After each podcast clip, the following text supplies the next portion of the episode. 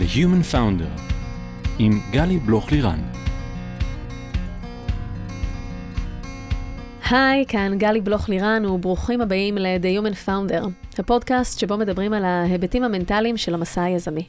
כולם מדברים על ה roller coaster שכרוך בלהיות יזם ואולי כמשקיע, משהו שכמטאפורה מדמה את ה sequence של מניה דיפרסיה.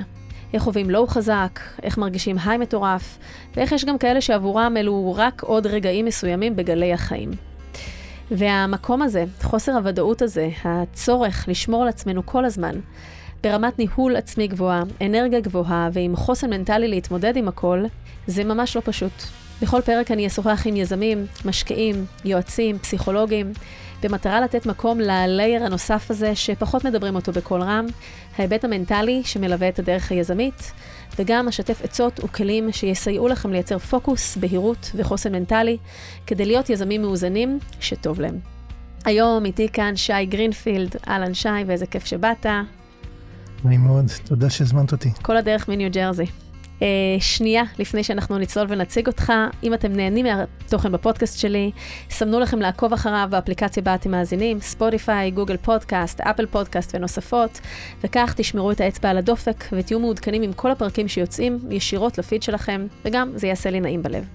לחצתם follow, בואו נצלול. אז שי, בוא נציג אותך ככה לטובת כל המאזינים. אתה שותף מנהל בקרן הצמיחה גרינפילד פרטנרס, ביחד עם יהודה דורון, אייברי שוורץ ורז מנגל. גרינפילד מנהלת יותר מ-500 מיליון דולר ומשקיעה בסטארט-אפים בשלבי צמיחה מוקדמים, סבבי B ו-C, כדי לעבוד עם היזמים על גידול החברה לשלב הבא שלה. אתה מתגורר בניו ג'רזי, אב לארבעה, לאיתמר, אסף, אמי וארז, ונשוי להלית. אז איזה כיף ותודה שבאת. וואו, כיף להיות פה, תודה שהזמנת אותי. נהדר. אז שאלתי אותך ככה על ההתחלה ואיך הכל התחיל, ואמרת לי, כן, ילדות uh, רגילה ישראלית בפתח תקווה. כן. היום אנחנו נדבר קצת על מעברים. אני ככה בכל uh, פודקאסט תמיד אוהבת לקחת איזושהי זווית uh, ייחודית של המרואיין או המרואיינת, ובסיפור שלך יש לא מעט פיבוטים.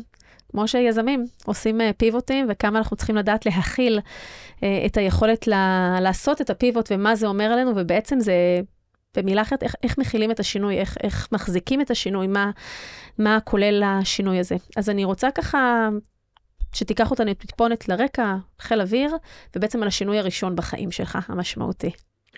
כן, אחרי שירות ארוך בחיל האוויר, אה, בעצם של שמונה שנים אה, פעיל, כטייס פעיל, ואחרי זה יציאה והתחלה של שירות מילואים, עברתי הברית, והפיבוט הראשון היה אה, להפוך מ... אה, טייס ליזם. אה, בעצם הגעתי לארה"ב בלי תואר, אה, ומיד נשאבתי לתוך הסצנה של הסטארט-אפים. ועם דילמה מאוד גדולה, מתי לומדים? אני צריך תואר ראשון, לא צריך תואר ראשון. בסוף החלטתי, כן, בוא נעשה את זה ב, בלילות, אבל מיד הייתי uh, בתוך, ה, בתוך הסצנה של הסטארט-אפ, וצריך לזכור שהמעבר שה, הזה נתן בפעם הראשונה, לא בפעם הראשונה, אבל נתן, הדבר הראשון שפתאום אתה מבין את ה... אני אשתמש במילה humbleness. Mm-hmm. אתה מגיע כן מאיזשהו מעמד, בישראל טייס נחשב לכזה או אחר, ואתה מגיע הברית ואין לזה שום משמעות. וגם אין לך תואר, ופתאום אתה נמצא בתוך עולם שצריך, של סטארט-אפ שצריך להשיג הישגים.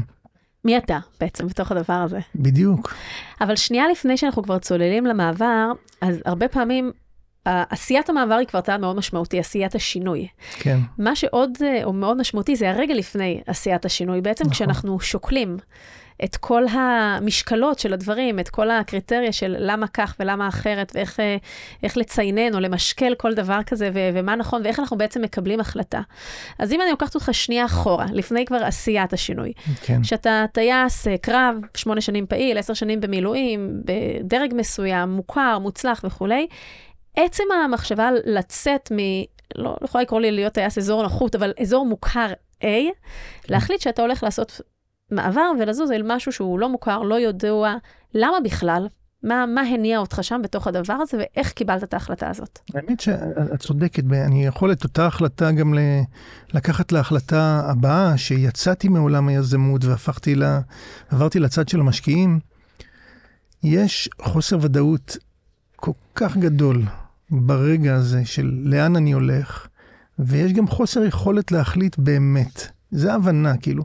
עכשיו, כשאני מסתכל אחורה, אני יודע שכל הצינונים האלו שאתה שם על המחברת, אין להם באמת משמע, משקל או משמעות. אה, כי אתה לא יודע באמת לאן אתה הולך, ואתה לא מבין, אם אתה הולך באמת לעולם חדש, כמה שלא תשאל ותתייעץ ותדבר, אתה עדיין לא מבין באמת איך אתה נראה בתוך העולם הזה. אז כן, יש משמעות לבוא ולרשת את עצמך בתוך הרשת של האנשים שמבינים. אה, אבל בסוף בסוף יש משפט שאני מאוד אוהב מ... אה, בדח, בדח זה בדיקות חיוניות. לפני של, טיסה. כן, כן, בדח לפני טיסה, כן. או בזמן טיסה או לחרומים, כן. ויש אחד שאני מאוד מאוד מאוד אוהב. שהוא? שהוא הפסקת חשמל כללית בלילה בצוקית. למה? כי צריך לעשות שם המון דברים, גם הולך החשמל, גם ה... אין ניווט, אבל גם הרדיואים וגם מערכת ההידראוליקה, צריך להוריד את הגלגלים, זה המון, צריך בעצם איזה חמש אה, בדחים שונים רק לטפל בתקלה הזאת, גם לא רואים אותך, גם לא שומעים אותך וזה גם לילה. אבל המש... הבדח אומר רק משפט אחד שהוא בעיניי גאוני. הוא אומר, אתה לעצמך, אין איש יודע את מצבך, פעל בהיגיון. ואת הבדח הזה אני ממליץ לכל אחד. אני לעצמי לקחתי אותו בערך לכל, חזק. לכל שלב בחיים. כל נקודת חוסר ודאות והחלטה, אין באמת מישהו שיכול להבין, גם החבר הכי קרוב, גם שבאמת, באמת, באמת את כל השיקולים. וצריך רגע אחת את ה... להוריד למטה את הכל, להתחבר למרכז כובד הנמוך, ולפעול בהיגיון, וכנראה זה ייקח אותך למקום נכון. זה מעלה לי שתי מחשבות אפרופו אוויר ומטוסים, אז כשאני הייתי דיילת אוויר, אולי סיפרתי את זה פעם בפודקאסט, לא זוכרת, יש את הספר האדום, שזה הספר שבעצם מה עושים בשעת חירום בטיסה. כן. יש שם מיליון מיליון הוראות ובד"חים וכולי, אבל מה שכתוב בדף הראשון זה בעצם להפעיל שיקול דעת. וזה בדיוק ככה אותו נרטיב בעצם של כן. להפעיל שיקול דעת, ואני חושבת שכשאנחנו ניגשים לקבלת החלטות, בין אם זה החלטה לתואר, ובין אם זה להקים עכשיו סטארט-אפ, ובין אם מאיזה משקיעים לגייס כסף, ובין זה עם מי להתחתן, ובין עם מי להתגרש, ובין אם עכשיו להפוך להיות משקיע, כל קבלת החלטות שאנחנו עושים, אז כמו שדיברתי פה בפרק עם אבי ירון, דיברנו שיש לנו שלושה מוחות, יש לנו את המוח, יש לנו את הלב ויש לנו את הבטן. Mm-hmm. ולכולם יש תפקיד, ובאמת הטבלה והמשקלות והצעינונים וכל הדברים האלה הם מאוד חשובים, כי אם לא נעשה אותם, לא נדע שהתכוננו כמו שצריך להחלטה, ושבדקנו ופרסנו והסתכלנו באמת על הפרמטרים.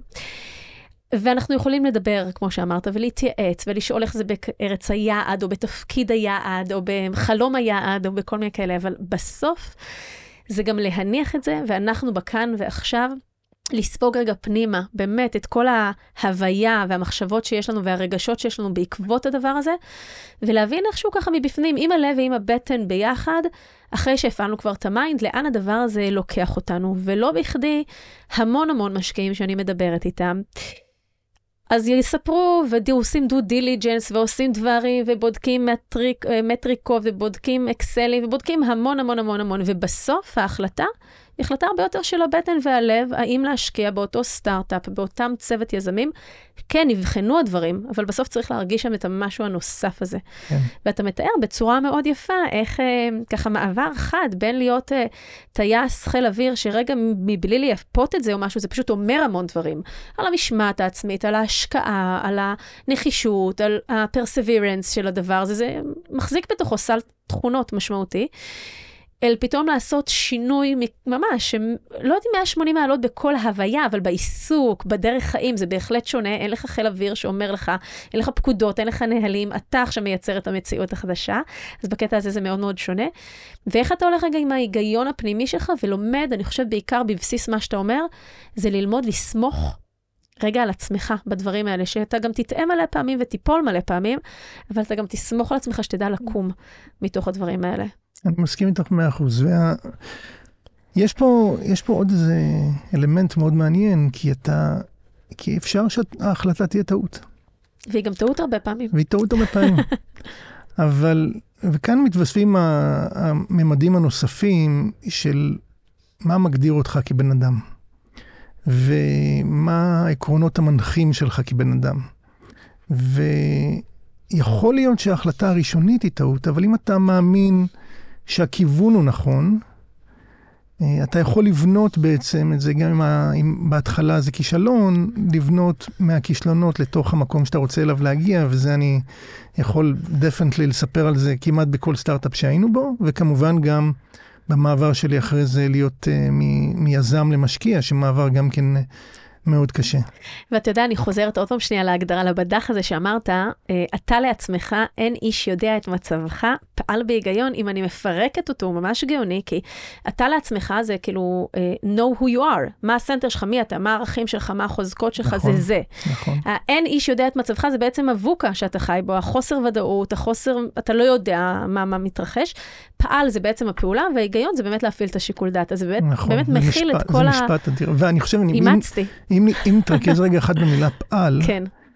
וואו, כמה יש בתוך המילה נכון. הזאת, כי בכל רגע קשה שיש לך, אם תקום בבוקר ותעשה עוד משהו קטן, צעד אחד. צעד אחד, כאילו, אחד בחזקת 365 זה אחד, אבל 1.01 בחזקת 365, ולא עשיתי את המתמטיקה הזאת מראש, אבל זה יותר מאחד.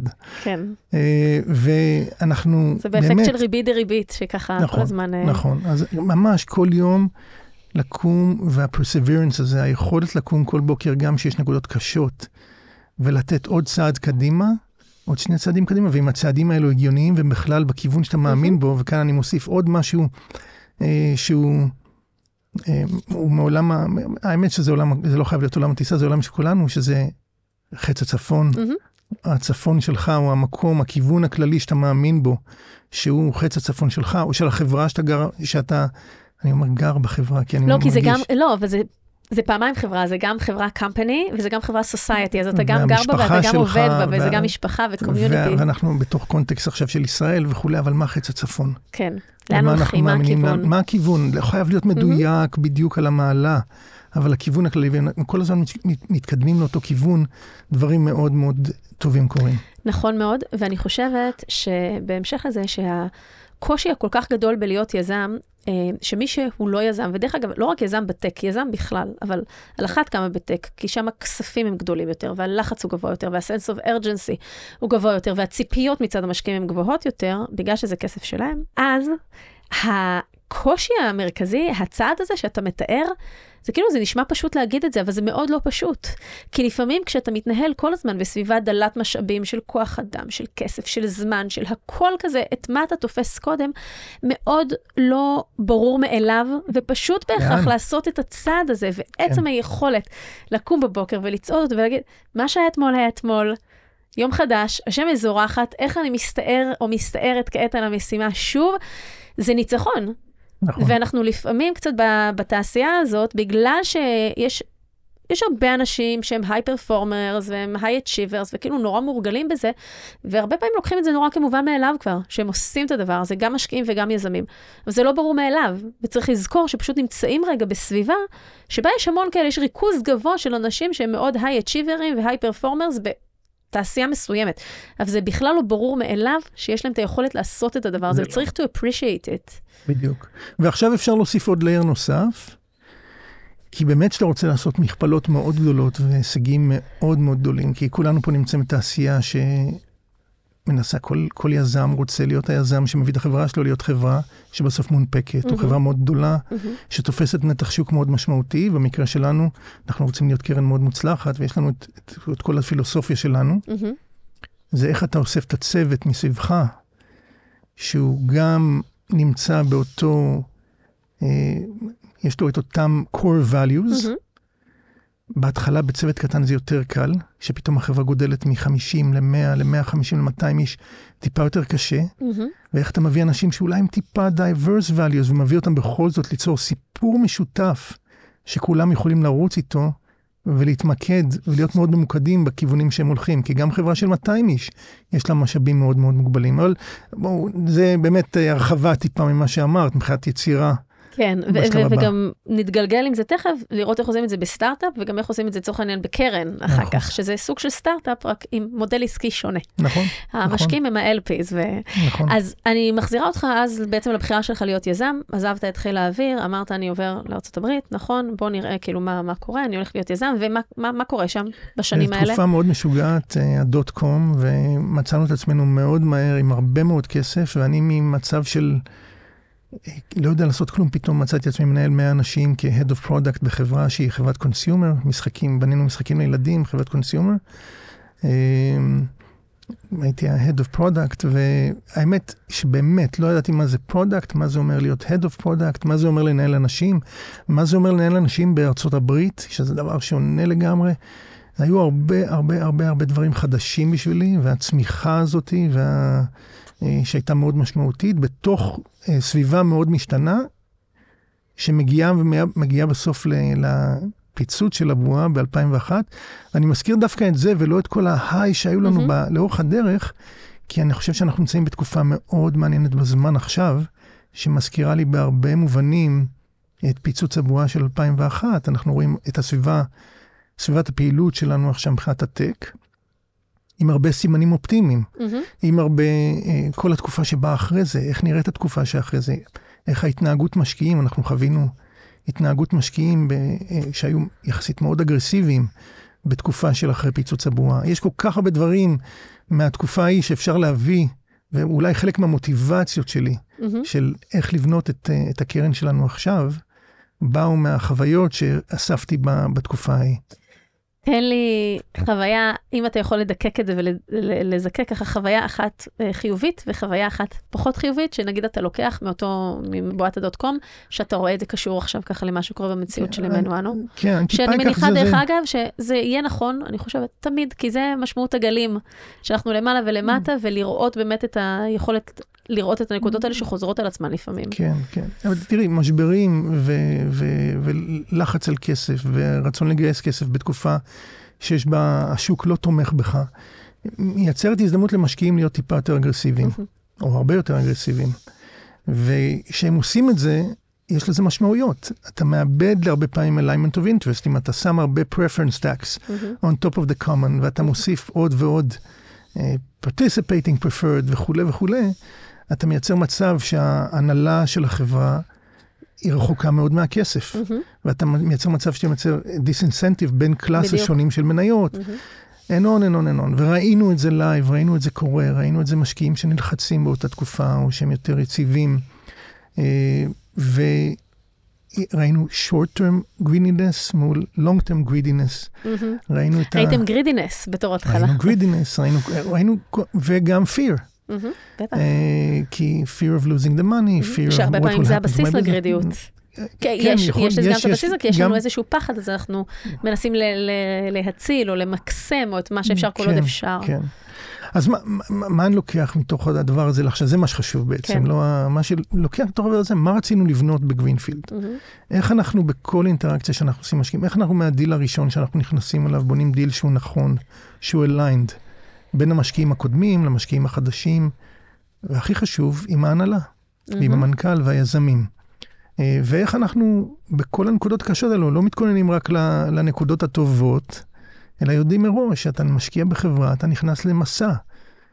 וא', בוא נהנה מהמסע, בוא נבנה את ה-alignments בצורה כזאת שתאפשר לה- ליהנות מהמסע, ובוא ניצור מראש אה, שיטת עבודה שתאפשר לנו להיות, לעשות את זה ביחד. מהמם. אז אנחנו תכף עוד ככה נרחיב בנקודה הזאת, אבל אתה, אני רוצה רגע לסיים את התקופה שלך כ- כיזם, ושנייה לעבור, אה, בעצם היית, הקמת גם סטארט-אפ כמנכ"ל?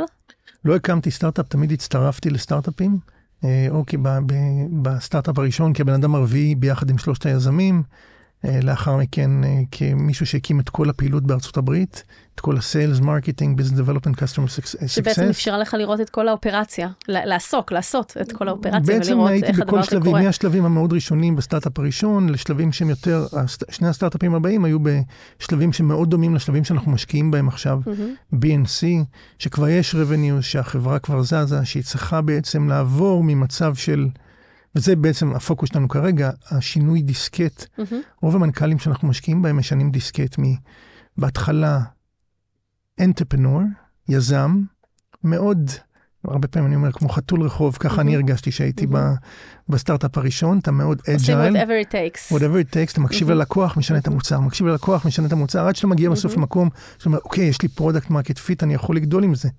אבל אז צריך להבין שלנהל 50 אנשים זה מאוד מאוד שונה מלנהל 200 איש. וצריך להפוך, איך לנהל ב scale, איך לייצר את התשתיות האלה. איך מתחילים לחשוב על KPIs, איך מתחילים לחשוב על benchmarks, איך מתחילים לעשות את הדברים בצורה שהיא מאוד מתודולוגית. ואף אחד, אין, אין בית ספר לדבר הזה. אין. למעט יכול- הניסיון, שחלק צולחים אותו, וחלק מבינים שהם הם צריך גם, חלק מבינים וחלק גם צריכים לעזור להם להבין שהם לא מבינים איך לצלוח את הדבר הזה. בדיוק, והאמת שאנחנו כן הקמנו בתוך גרינפילד, אנחנו מנסים מאוד, וזה מרב הפוקוס שלנו. אה, יש לנו תוכנית של, אה, שאנחנו עוברים איתה ביחד עם היזמים, שבעצם הצמחה שלהם, אקסלרציה שלהם. לתת, ואנחנו נכנסים, אני תמיד אומר את זה למשקיעים שלנו, ואז הם לא מבינים מה אני אומר, אני אומר, בואו, אנחנו נכנסים מתחת לאלונקה ואומרים, למה, מישהו חולה? מה, לא מבינים את השפה שלנו? אז שינינו את זה, we hold, we go hand in hand, אבל אנחנו באמת נכנסים מתחת לאלונקה ואנחנו עובדים, הצוות שלנו יושב, מבלה ביחד עם החברות, מנתח את הדאטה, דואג שהדאטה הנכון מגיע, משנים את המצגת אה, משקיעים ממצגת אה, אה, ראשונית של VC למצגת צמיחה. אה, ועובדים באמת להטמיע את ה-KPIs ואת הבנצ'מרקס הנכונים. אתה מחליט לסיים את הפרק היזמי בחייך, כי מה? כי מה אתה מרגיש שם? אה, מיצוי, אה, משהו ככה מדקדק לך באצבעות לעוד איזשהו שינוי, אתה קודם מרגיש כל, שאתה... 2008, עוד פעם הגיע, 2008 הייתה תקופה, ממשבר למשבר. כן, משבר למשבר אחד. זו הייתה השנה שהחלטתי, והאמת שגם אה, יהודה, השותף שלי בגרינפילד, ואני עזבנו, היינו, עבדנו ביחד באותה חברה.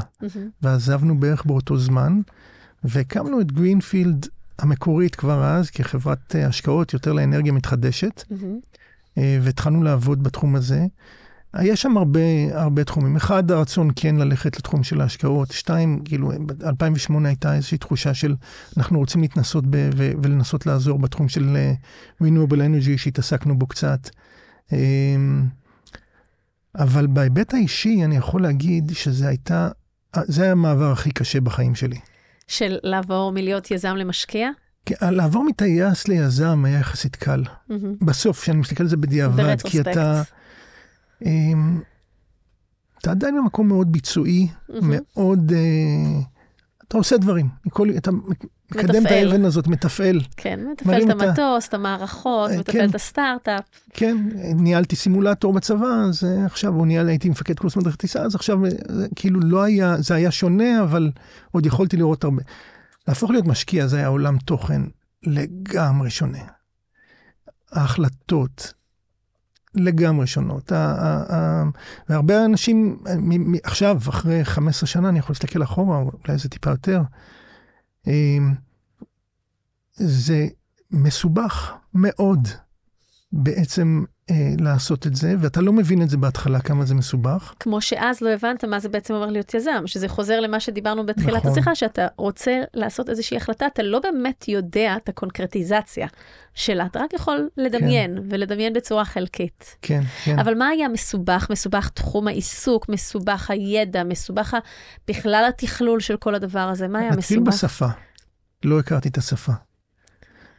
פשוט לא, הייתי כל כך, למרות ששמעתי את השפה, אבל לא הכרתי את השפה לעומק, היא לא הייתה, זה כמו שאתה, אני, את לדבר אנגלית או ממש לחיות לחיות אנגלית.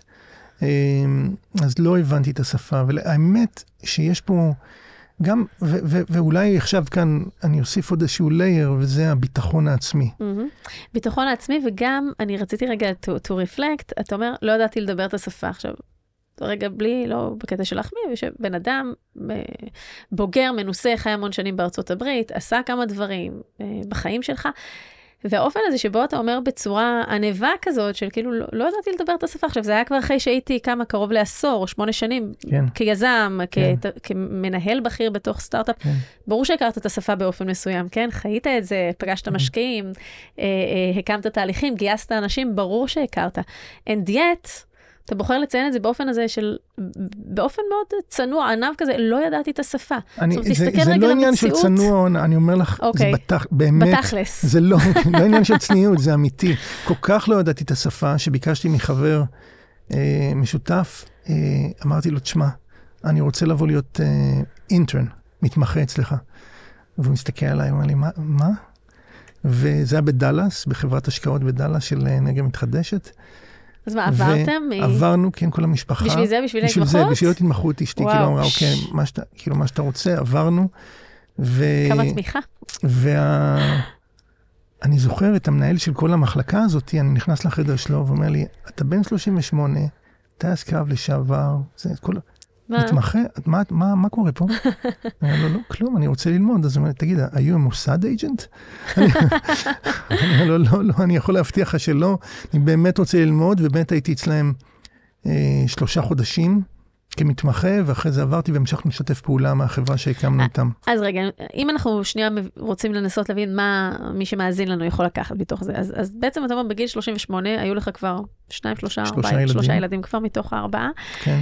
אה, עברתם כבר לארה"ב, כבר חייתם שם כמה שנים, קריירה כן. שלך, קריירה של אשתך, אתה מחליט לעזוב את הכל, את העולם הקודם שהיית בו, אתה רוצה נכון. לעשות pivot, להפוך להיות משקיע, ואתה אומר, אני הולך עכשיו להתמחות בכלל בארץ אחרת, נכון? state אחרת? ב state אחר. state אחרת בתוך ארה"ב, כן. מעתיק את כל המשפחה לשלושה חודשים רגע להתמחות.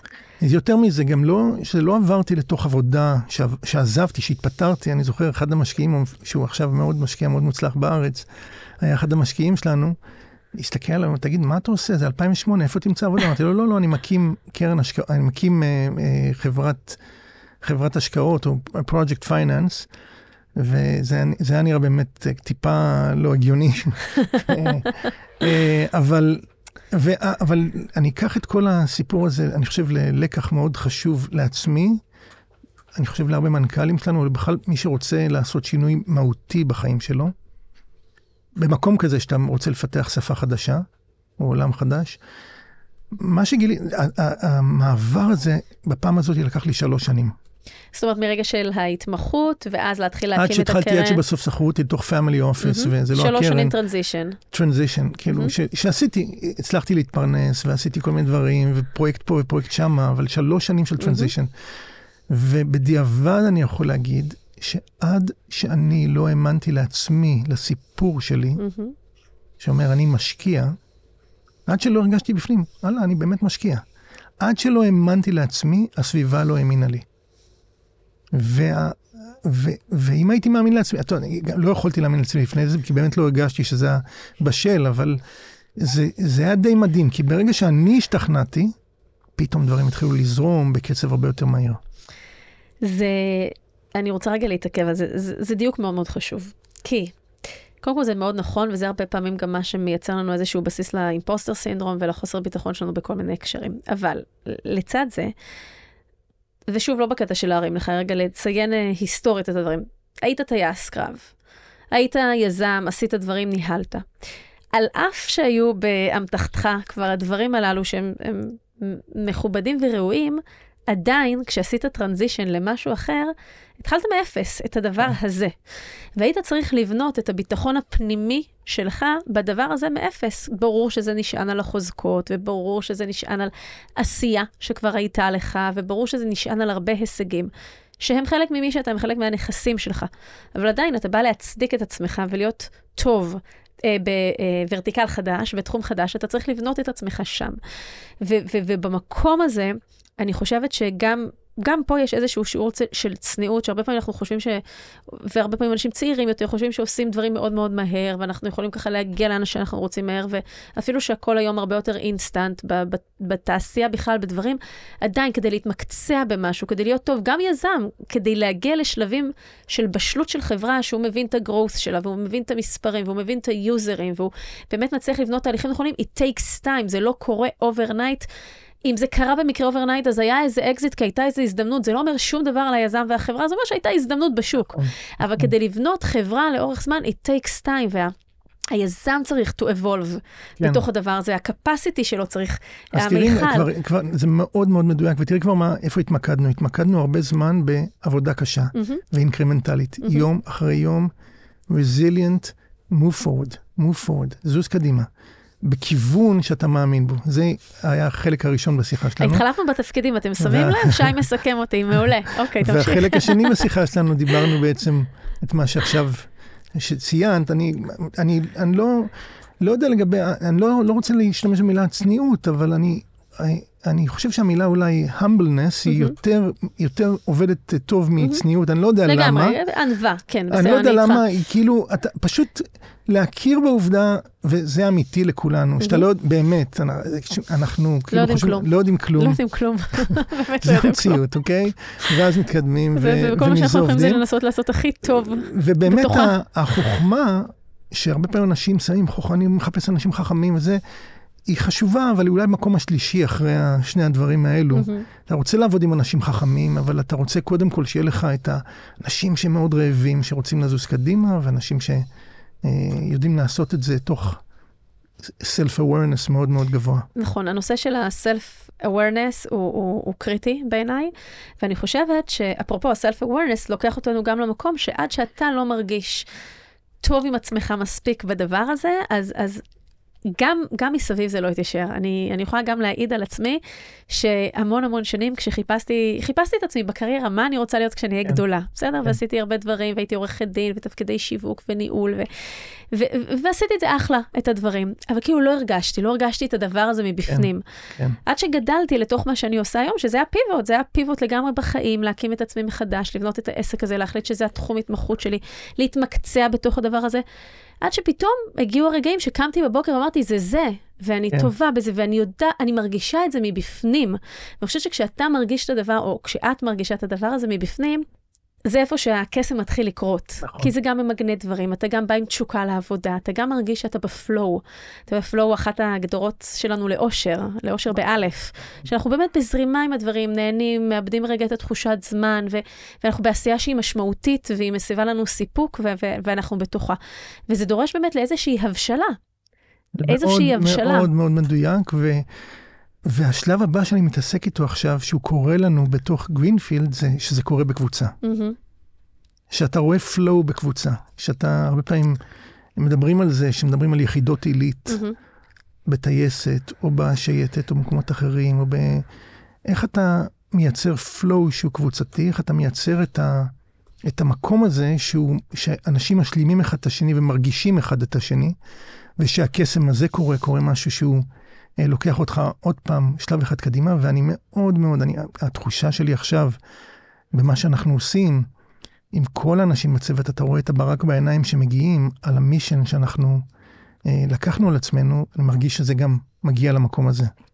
שזה בעצם אה, אה, כמו שהפילוסופיה הסטואית, אחרי שאנחנו מדברים על בעצם על ה-I, על האנחנו, אתה הופך אחר כך ל-we, ואתה עובר בעצם לראות איך הדברים האלה ככה, אתה מפיץ אותם גם עם הטימייט שלך, והשותפים שלך, והצוותים שלהם. אז, אז אני ארחיב טיפה, כי אנחנו בקרן מאוד רוצים את האנרגיה הזאת שאנחנו בונים, להפיץ גם לחברות פורטפוליו שלנו, והאמת יותר רחב מזה. כי הידע שצברנו והמקומות האלה שדיברתי בקצרה מקודם על המעבר מ-entrepreneur ל-manager, יש שם הרבה הרבה הזדמנויות ללמידה מאוד רחבה בהיבט של התעשייה, לא רק שלנו, רק של החברות פורטפוליו, ואנחנו מנסים, אני לא יודע אם אתם עוקבים אחרי הניוזלטר השבועי שלנו ואחרי פרסומים שאנחנו מפרסמים, אנחנו מנסים מאוד לשתף מאוד הרבה מהעבודה שאנחנו עושים בתחום הזה. אז אני רוצה לשאול שתי שאלות. אחת, למה החלטתם להשקיע דווקא בסטארט-אפים בשלבי צמיחה, נגיד ב-BC? עיקר מה שאנחנו מכירים לפחות פה במשקיעים בארץ, אני לא יודעת אם להגיד עיקר, אני חושבת הרבה, זה באמת ב-early stage יותר, yeah. כן. שזה קשור כנראה גם לגודל הצ'קים וגודל הקרנות וכולי, אבל כן, מה מייחד אתכם מעבר לדברים האלה ככה, למה דווקא ב-B ו-C? ושתיים, ואתה יכול להתייחס לזה ביחד, אפשר לדבר טוב ויפה, וככה, אתה יודע, אני יכולה לדבר עם הרבה משקיעים, ואנחנו יכולים להגיד כמה כוונות טובות וכולי וכולי וכולי. כן. בסוף, בואו רגע נשים את הדברים על השולחן. למשקיעים יש תפקיד מאוד ברור, וזה להחזיר למשקיעים שלהם תשואה נכונה וטובה ומקסימלית ככל שניתן על הכסף. נכון. והרבה פעמים הדבר הזה עומד בסתירה, בניגוד עניינים מסוים כזה או אחר, לא, לא בניגוד עניינים, אבל בסתירה בין... אה, מה שצריך אה, ככה להלחיץ את היזם, להלחיץ את הצוות, לגרום לצעדים, פעם אמרנו בואו תרכשו, תגדלו בכל מחיר וכולי וכולי, היום קצת מדברים אחרת, בואו נראה אה, צמיחה אמיתית, אורגנית וכולי, אבל בין לפעמים להפעיל מכבש לחצים על הצוות, כי זה מה שצריך, כי גם לנו יש לחצים, לבין באמת כמו שתיארת קודם, אבל רגע, אנחנו רוצים לגדל את הצוותים, ואנחנו רוצים בבית לעזור להם, ואנחנו רוצים לעזור להם לשפר את המטריקות וכולי. אז איך מנהלים את המתח הזה, שהוא, שהוא קיים, אין מה לעשות, הוא אינהרנטי, אי אפשר להתעלם ממנו ולהגיד שהוא לא קיים, צריך לדעת לנהל אותו. טוב, אז בואי, נתייחס לשתי השאלות, אני אענה לראשונה כי תעזור גם עם השנייה.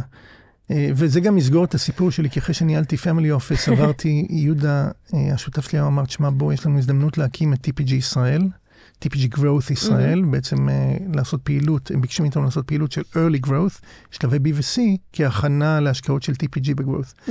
ולהצטרף ל-TPG היה עוד פעם חוויה, וואו, לראות קרן שהיא אחת מהקרנות, אולי חמש private equity הכי גדולות בעולם, המוצלחות שביניהן, מתנהלת מבפנים ולהיות באינבסטמנט קומיטי שלהם במשך ארבע שנים, שבוע אחרי שבוע. איזה בית ספר. שמונה שעות, ולראות את כל ההשקעות שבאות מסביב לעולם, מסין להודו, אה, לישראל, לונדון, ניו יורק, סן פרנסיסקו.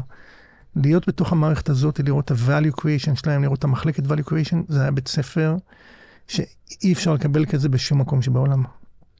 היה לנו הזדמנות נהדרת ב-2019 לעשות פיבוט עוד פעם, ו-TPG החליטו להתרכז באסטרטגיה שלהם רק בצ'קים הגדולים של ה-75 מיליון דולר ומעלה, של pure growth, ונוצרה לנו הזדמנות לקנות את הפורטפוליו, לעשות פיבוט, לעשות spin-out, GP-led spin-out, ולהקים את הקרן שלנו כקרן עצמאית. Uh, זו הייתה הקרן הראשונה שלנו, היום אנחנו כבר uh, בקרן השלישית. אמ, וזה עונה לשאלה הראשונה שלך על ה- היכולת להתרכז ב-early growth, כי אנחנו באים כלים מאוד שונים, אנחנו באים כלים מאוד מובנים, כלי private equity, שרואים את הסוף, רואים את ה... לא הסוף, אני, בוא נגיד עוד נקודה בדרך, רואים את ההנפקה, ואיך לגזור אחורה מההנפקה לנקודה שאתה נמצא. הנקודה הנכונה, אנחנו מאמינים, פעם שהשגת product market fit, לעצב את ה-DNA של החברה, כ-DNA שמבטיח צמיחה אחראית, וצמיחה שמבינה שאתה לא שם שני דולר בשביל להביא דולר, שאתה רגיש למאג'יק נאמבר שלך ולבן ריישיו ולכל המדדים שעוזרים לך להבין שיש לך משהו שהוא גודל בצורה אחראית, אנחנו מביאים את הכלים האלו ואנחנו חושבים שיכולים להביא added value מאוד מאוד משמעותי ליזמים שלנו.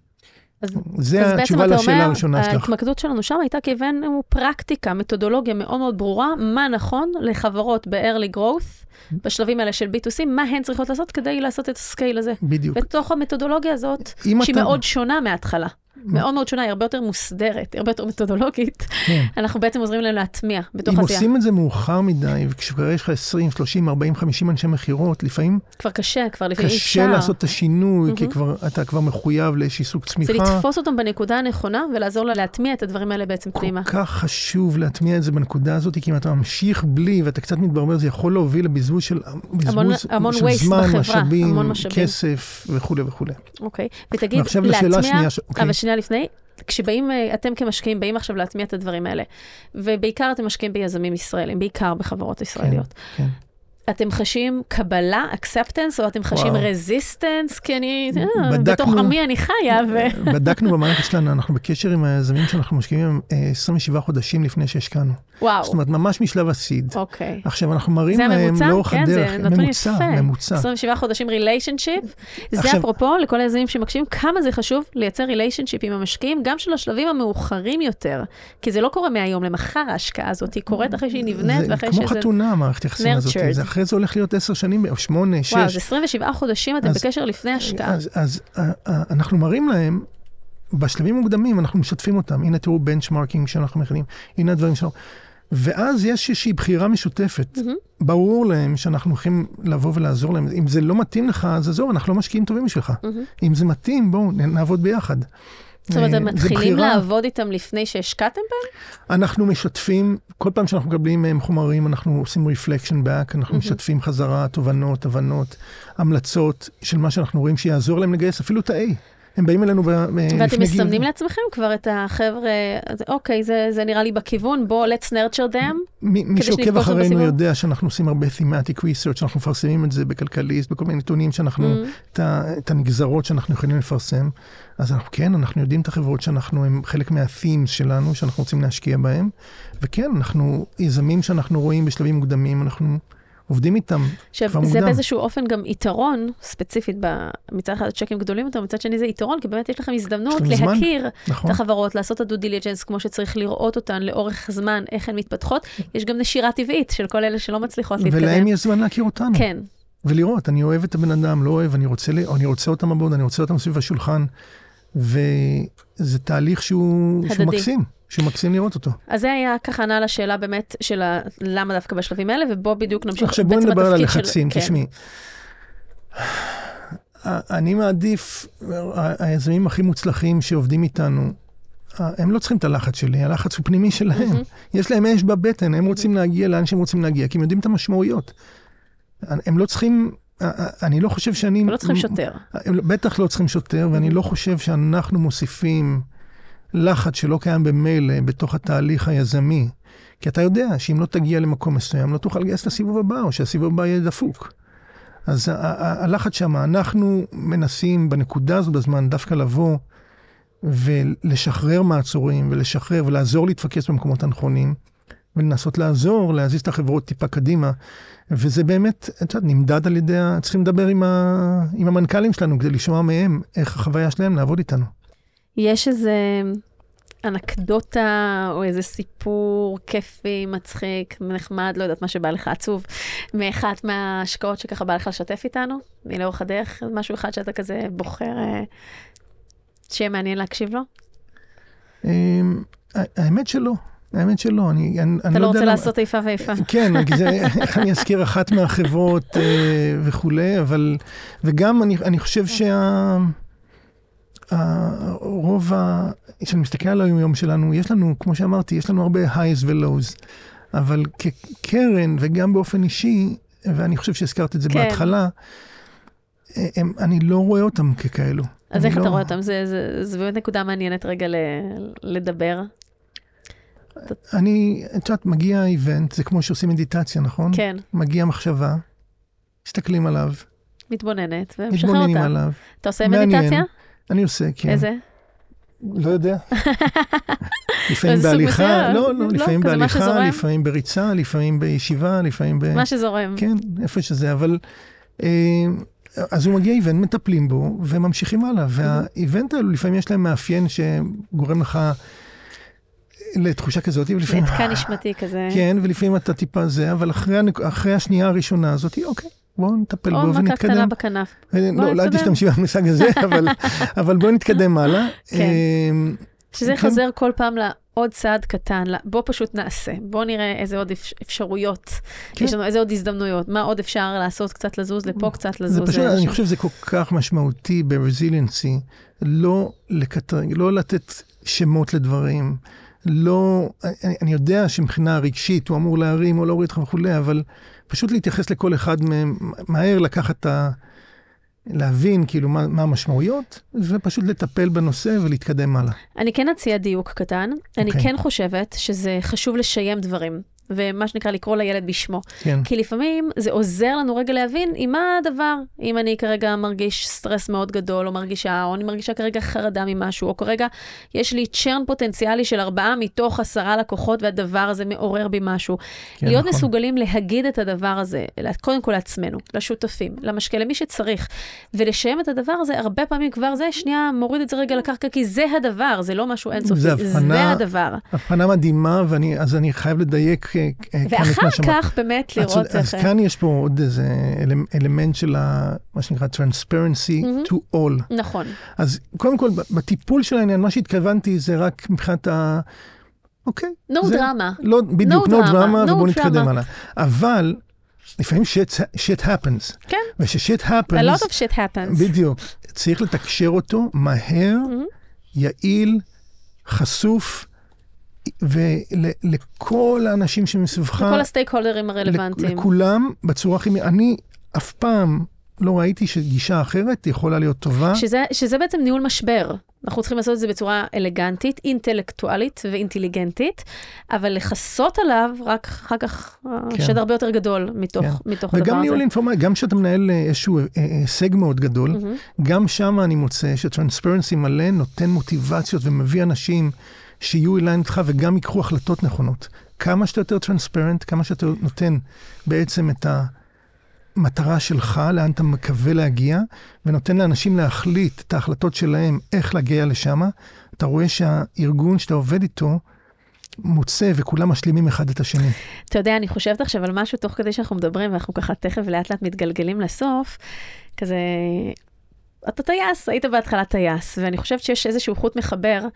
היית טייס, תמיד נשאר טייס in a way, אבל בתכונות שנדרשות רגע שם, ובפרקטיקה גם של הטייס, לא כי הייתי טייסת, אבל ממה שאני לומדת מהרבה אנשים סביבי, יזמים סביבי, שמביאים לי את ה-tool של חיל האוויר פנימה, וגם הבחירה שלך להתמקד ב-early growth, שיש בזה המון מתודולוגיה. כן. זה באמת לראות מתודולוגיה ואיך אנחנו עושים אימפלמנטציה של מתודולוגיה, ובעצם בחיל האוויר כולנו מכירים את תורת התחקיר המאוד מאוד מפורסמת, כן. שאני אוהבת לקרוא לה modus operandi circle, שזה בעצם ניהול וניתוח כל הפעולות נכון. שלנו, איך אנחנו עושים איזשהו מעשה ויש לו תוצאות, ואז אנחנו מתחקרים, ואז יש לזה איזשהו insights, ואז אם זה טוב, אנחנו יכולים to duplicate את זה, ואם זה לא טוב, אנחנו רוצים לשנות שם ו- ולהמשיך. ואיך אה, מאוד מאוד חשוב לעשות את זה גם לדברים שעובדים לנו טוב, כי אם עשינו sale cycle טוב, גייסנו גייסנו מישהו נכון או גייסנו כסף, אנחנו רוצים אה, לשמר את הדבר הזה, ואם עשינו משהו לא טוב שהביא אותנו לתוצאה לא רצויה, אנחנו רוצים ללמוד לשנות את הדבר הזה. אז איך אתה מרגיש שאם אני רגע לוקחת את הדוגמה הזאת של נקרא לזה תורת התחקיר או ה-debriefing, איך אתה מרגיש שהיא ככה, אם אני מסתכלת מלמעלה, לאורך חייך והנקודות האלה, מה, מחיל האוויר, ליזמות, לקרן מסוג ראשון, לפמילי אופיס, לקרן מסוג ראשון, לקרן השנייה שצמחה, איך אתה מרגיש שזה מלווה אותך? זה, זה כנראה כל כך מוטמע עמוק בפנים, שזה נעשה כבר באופן מאוד מאוד טבעי בכל רגע ורגע של החיים.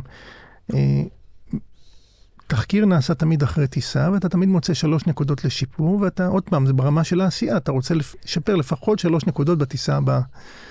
אה, וזה נעשה כמה פעמים ביום, וגם בסוף היום באופן יותר כללי וכולי וכולי, לפני שאתה פותח את השבוע החדש. אני חושב שאצלנו בקרן ובעבודה ביחד עם היזמים שלנו, אנחנו מטמיעים את זה באמת. איך אתם עושים ב- את זה? תראי, אנחנו... דה פקטו? דה פקטו אנחנו מסתכלים ברמה המאוד מאוד רחבה, בין רבעונים, בישיבות הבורד. Mm-hmm. כאילו, יש נקודות לשיפור מהישיבת בורד הקודמת, ועוקבים אחריהם לראות. מתחילים את ה... במצגת. אתה כמשקיע וכשותף מנהל, אתה עושה את זה בעצמך לעצמך? וכמובן, כמובן, כמובן, אנחנו עושים את זה ברמת הקרן, ברמה היומיומית, בסיום כל פרויקט גדול, בסיום, לפעמים סיום של שבוע, פתיחת שבוע, אנחנו פותחים שבוע ביחד. זה תהליך שהוא מאוד מאוד מוטמע בפנים, לדעתי נותן בנפיץ אדיר. כל מי שלא עושה את זה, אני ממליץ בחום אה, לנסות בכל סיום פרויקט, לראות מה השלושה דברים שעבדו מאוד טוב, מה השלושה דברים שאנחנו רוצים לשפר פעם הבאה. ו- ולא רק למשקיעים ולא רק ליזמים, אני חושבת שבכלל זה כלי באמת קריטי לכל, uh, להטמיע, to internalize לתוכנו בכל דבר שאנחנו עושים בחיים, בחירה של uh, מקצוע, או שיחה עם מנהל, או uh, uh, מריבה בזוגיות, או חינוך רגע של הילדים, או תקשורת עם המורה, או בחירת משקיע, או באמת כל המיני החלטות שאנחנו מקבלים בחיים שהן אינסופיות כמות ההחלטות שאנחנו מקבלים ביום.